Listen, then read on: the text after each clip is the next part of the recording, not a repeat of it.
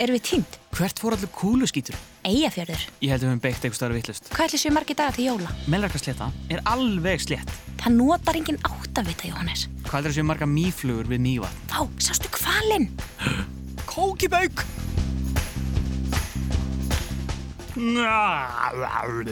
Ok, Já, byrju. ég heiti Jóhannes. Og ég heiti Ingibjörg. Jæja, Ingibjörg, hvar eru við núna? Við erum komin að Norð-Austurland. Við þurfum að keira fram hjá víðáttumikilli sléttu sem heitir Melrarakka slétta til að komast í næstu byggð. Ætli þessi sléttu úlvarina? Nei, ég vona ekki. Ég held sé ekki á Íslandi. Nei. Á norð-austurlandi búa margir krakkar en flest bæjarfjölög eru við sjóin, til dæmis í Eyjafyrði. Inn í landi eru margir fallegir og merkilegi staðir til að skoða, til dæmis hverasvæði við Mývatn og allir þessir frægu fossar. Einmitt. Dettifoss og Góðafoss. Góðafoss, já. Frægir staðir til að stofa. Fossafoss. Fossafoss. Fossa. Fossafossafoss. Ég er bara bullið þér. Já, ok. en veistu hvað ég hef heist? Að þessu jólasveinar á kreiki. Jólasveinar. Líka á sömurinn. En hvað er hægt að sjá annað en jólasveinaðina og hvað er þetta að gera? Ég veit um eitt sérfræðing, heimamann á Akureyri, sem er alveg tilbúin til að segja okkur hvað er skemmtilegt að gera hérna. Ok, heyrum í honum. Hæ, ég heiti Albert Gísli og er áttara og ég er frá Akureyri sem er á Norðurlandi eistra. Það sem ég er skemmtilegast á Akureyri er það að það er stutt í allt til með sund og skýði. Og Akureyri er til með þetta að finna kjarnaskóg. Það er hægt að fara í leiðtæki, gunguferðir, grilla og fara í strandblag. Og í kjarnaskói er líka ótrúlega flott veldahús sem búið á trjám. Á hömmurum er líka hægt að tjálta og fara í æðislega vatnarleitaki. Það er hægt að fara á bát. Listíkarinn er líka frábær. Það er hægt að finna mörg hundur tjöndra blómum og fara á kaffihús. Það er líka gaman að skoða Akureykirkju en til þess að komast ángað þarf maður að lappa upp 110 töppur. Ég skora ykkur til þess að fara með fóröldar ykkar í kapp. Á potlinum er líka stundum að sjá nýsur, andanhefjur og seli. Það er rosalega gaman að fylgjast með þeim. Einn af mínum uppáldstuðum er jólahúsi í Eyjafyrði. Það er líka jólinn allt hárið um kring. Það er líka hægt að gæða sér á heitu súklaði og volkum voffum. Mmm, það er fórst líka heimsins bestu karamellus. Og ef þú er teppin, gætur að meira sér eitt jólasinnun um miðjan í júli.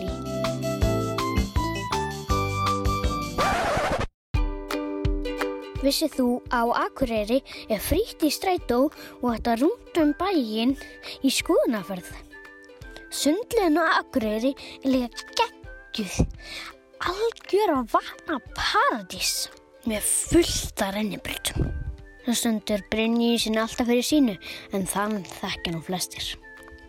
Í sveitafélaginu búa líka um 19.000 manns.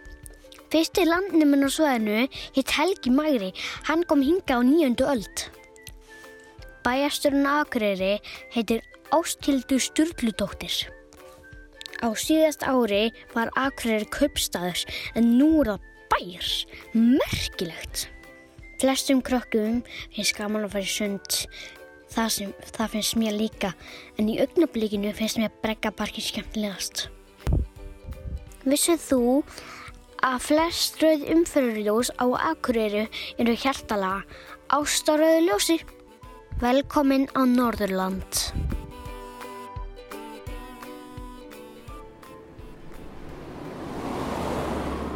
Ingi Björg, Já. hvað gerist þegar maður dettur af hestbaki? Maður með þessi. Maður fer aftur á bak. Já, bara það til. Hei, hlustaðu aftur á bak. Hvaða staður á norðausturlandi er þetta? Ntavím. Ntavím. Mývatn. Kívlad. Kívlad. Dalvík. Senagnal. Ha, Senegal. Senagnal. Senagnal. Senagnal. Langanes. Rétt. Ég segi að við skellum okkur í sund núna. Ég er til. Hvaða sundlög er nálagt? Kíkjum á kortið. Það eru svolítið marga sundlegur á Norðausturlandi. Já. Ok, teljum þetta bara upp. Já. Það er sundleg á Dalvík. Á Akureyri er Glerárlaug og er Grenivíkurlaug, eh, Heiðarbær í Reykjakverfi. sundlegur Hrísei, Á Ítlugastöðum.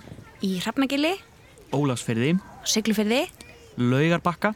Lundi í Öksarfyrði, Rauvarhöfn. Stóru tjörnum, Grímsey. á Húsavík, Laugum á Svalbarströnd. Þelamerkurlaug, Og Þórshöfn. nógum að velja. Ekki gleyma sundbólnum! Ingi Björg, veistu hvað ég væri rosalega til í núna? Hvað? Góða sögu. Já, Veistu um sögu sem gerist á Norðausturlandi? ég kann tvær þjóðsögur um Goðafoss. Ah. Á ég segja þér þar? Já, endilega. Grettir sterki og tröllin í Goðafossi. Veist þú okkur Goðafoss heitir Goðafoss? Fyrir mörgundru árum trúðu Íslendingar á heiðna guði, æsi eins og óðinn og þór, en líka álfa, jötna, dverga og aðrar máttugar verur. Árið 1000 var ákveðið að Íslendingar skildu skipta um trú og verða kristnir, fara trú á Guð og Jésu Krist. Það var einn maður sem fekk að ráða frekar miklu um þessa ákvörðun. Hann tók sér góðan tíma í ákveða sig, lagðist undir feld og hugsaði um þetta í marga daga. Mm. Hann hétt Þorgir og var heiðinn áður en hann held til þings til að ákveða um kristnitökuna.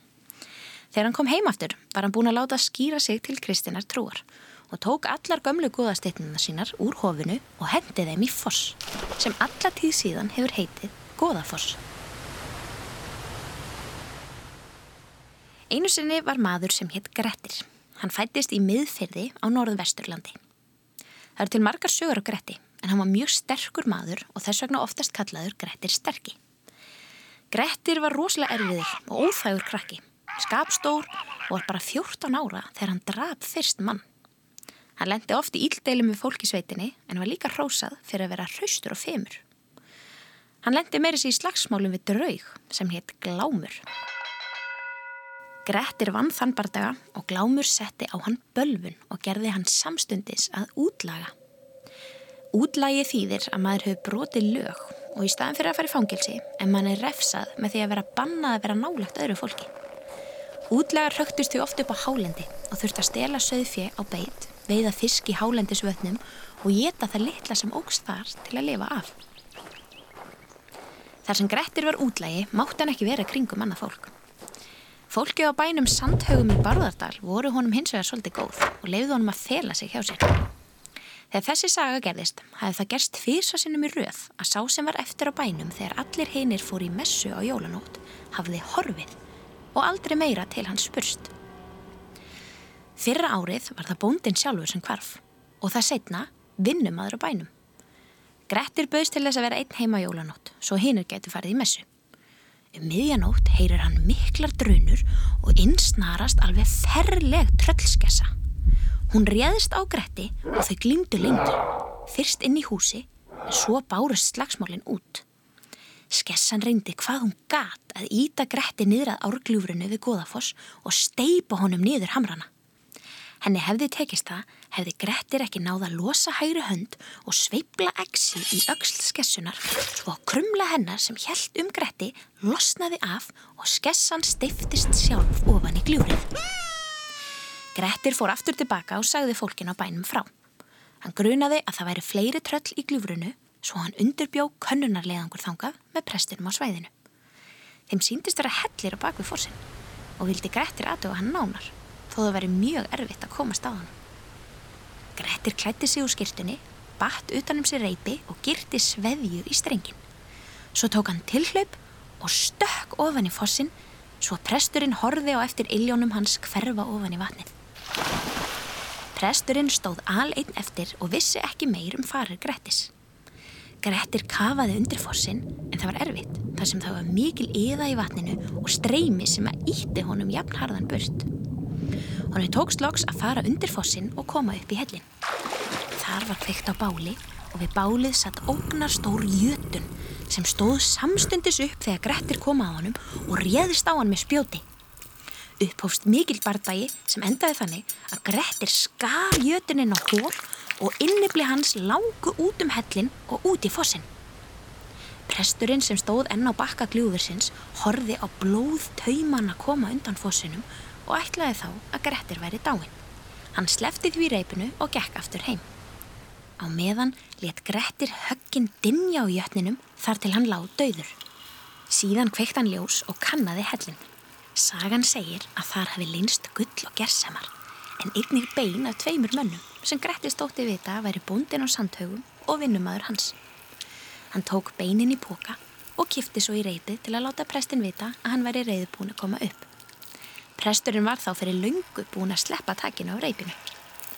Grettir var þá að klifra sjálfur upp úr gljúrunu og ganga heima bænum. Þar voru beinin lögð í vígðamold og síðan þá hefur ekki spurst af tröllum eða öðrum óvættum í Bárðardal.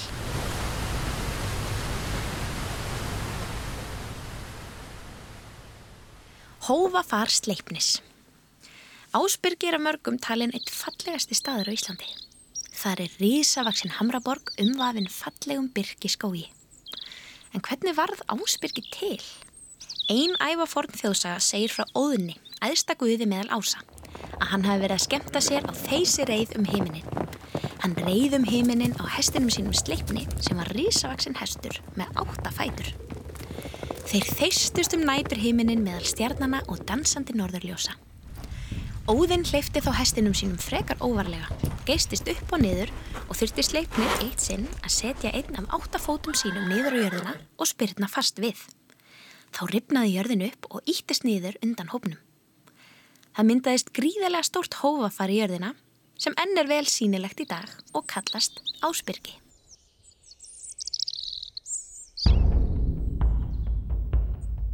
Landvættir Í skjaldamerki Íslands má sjá fjórar verur sem heita landvættir. Þær eru fjórar, alveg eins og landsfjórðungarnir. Ef við skiptum Íslandi niður í kross frá miðju, þá verða til fjórir hlutar eða fjórðungar. Suður, vestur, norður og austurland. Hver landvættur hefur þar hlutverk að vernda og gæta hvers fjórðungs fyrir sig. Við heyrðum af þessum vættum fyrst í heimskringlu Snorra Sturlusonar sem er mjög fræg, merkileg og gömul íslensk bók. Heimskringla fjallar að mestu um norska konunga og í henni er saga af því þegar að Haraldur Noregs konungur sendi mann til Íslands til að kanna aðstæður. Þessi maður gætt breytt um ham eða breytt sér í hvað sem er. Hann fór til Íslands í kvals líki, syndi í kringum landið og rakst á leðsynni á margar furðu verur. Við Vopnafjörð blasti við honum mjög stór dregi með orma, pöttur og eðlur í kringum sig. Við Eyjafjörð tók á móti honum fuggl, svo stór og mikill að vangirnir náðu á milli tveggja fjalla. Á breyðafyrði rakst hann á griðung mikinn sem fór að gella óurlega að honum. En er hann kom söður fyrir Reykjanes tók á móti honum Bergrisi sem bar höfuðið herra en fjöllin öll. Sendimaðurinn komst því hverki að landi og fór tilbaka og saði konungi fréttinnar. Landvættur Norðurlands er fuggl, svo stór og mikill að vanghaf hans náði frá einu fjalli til annars. Ímyndið ykkur bara, fuggl sem svífur yfir pollinum á Akureyri og vanghaf hans nær frá hlýðarfjalli yfir að vaðlaheili. Fugglin byrtist einmitt í eigafyrði. Þaðan fekk hann yfir sín yfir landið og með honum flugum margir aðrir fugglar.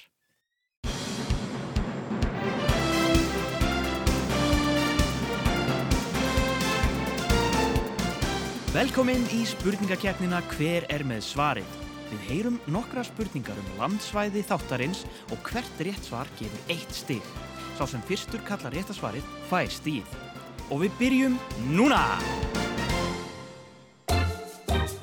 Í eigafyrði stendur hús sem er þakið namni og allskynns góðgæti, bæðið innan og utan.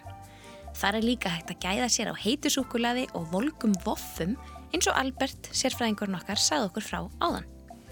Ef maður er heppin, gæti maður sé jólasvein um miðjan júli. Hvað heitir húsið?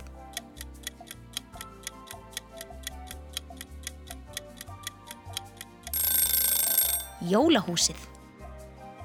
Það er mikið álítamál á Akureyri hversu margar tröppur eru upp að Akureyrar kirkju. Á að telja planið fyrir framann KEA með sem tröppu. Hversu margar tröppur eru svona sirka upp að Akureyrar kirkju? Eru þær A. 30, B. 500, C. 110 eða D. 220?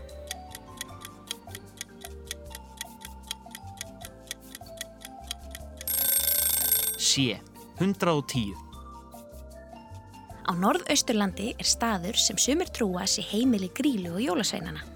Þar eru mikilfenglega raunmyndanir sem sumar minna á kirkjur og álvahallir. Þáttaserían Game of Thrones eða Krúnuleikarnir var að hluta til tekin upp þar og það er til norsk þungarokksveit sem heitir sama nafni og staðurinn sem spurt er um. Hver er staðurinn?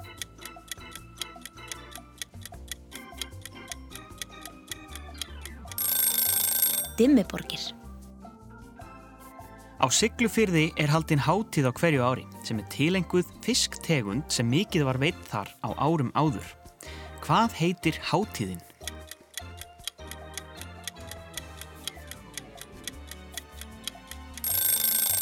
Síldarævintýrið. Hver er stærsti bær á Norðurlandi?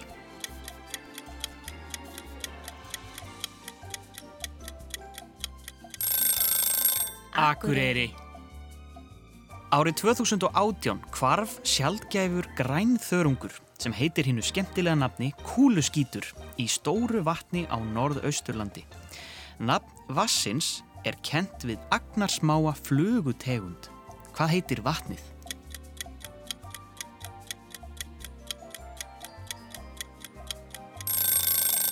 Mývatn. Hvað heitir fossin sem Þorger ljósvetningagóði á að hafa hent góðanum sínum ofan í eftir kristnitöku? Vísbending, við heyrðum um þennan foss í þjóðsugunni hér áðan.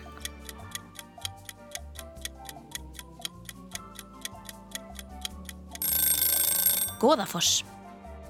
Hvað var Grettir Ásmundarsson sem barðist við tröllin í Góðafossi kallaður?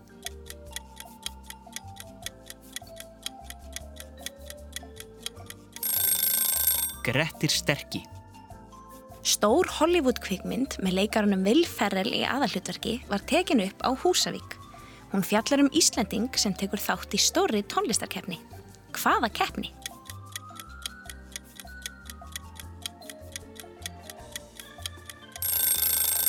Eurovision.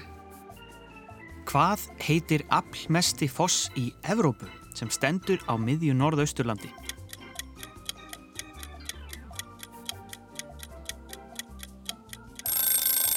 Dettifoss. Rauvarhöfn stendur á Melrakkasléttu. Melrakki er annað orð yfir smávaksi rándýr sem lifir vilt á Íslandi. Hvaða dýr er það?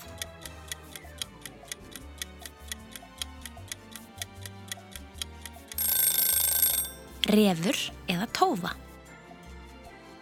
Frá Árskósandi siglir skip stutta leið út í einu eiguna í Eyjafyrði. Hvað heitir hún?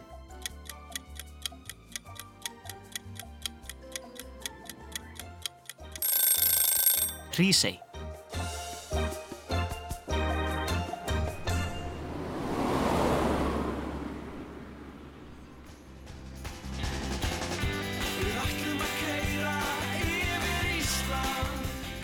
Nú kveði við Norðausturland og höldum áfram hringin. Við þökkum sérfræðingi þáttarins en það var Albert frá Akureyri. Næst ferðumst við um Norðvesturland. Jæja, bílaleikur. Bílaleikur ég til. Bílaleikur sem tengir Norð-Austurland og Norð-Vesturland. Þetta er leikurinn Hvert er dýrið? Hann er alveg eins og hver er maðurinn nema við spyrjum um dýr. Það virkar svona, ég hugsa með dýr og þú spyrð mig já og nei spurninga þanga til þú kemst að því hvaða dýr ég er að hugsa um. Ok. Ég kom með dýr í huga. Er þetta spendýr? Já, Er, er það á fjórum fótum? já, Er það með klaufir? nei, Er það með, með hala eða rófu? nei, Hmm. Býr það á Íslandi? Já. Er þetta gæludýr? Nei. Er það loðið? Já. Ekki með klöfur? Er það með, er það með tær? Nei. Er það með hófa? Já. Er það með takl? Já. Er það hestur? Já. Búinn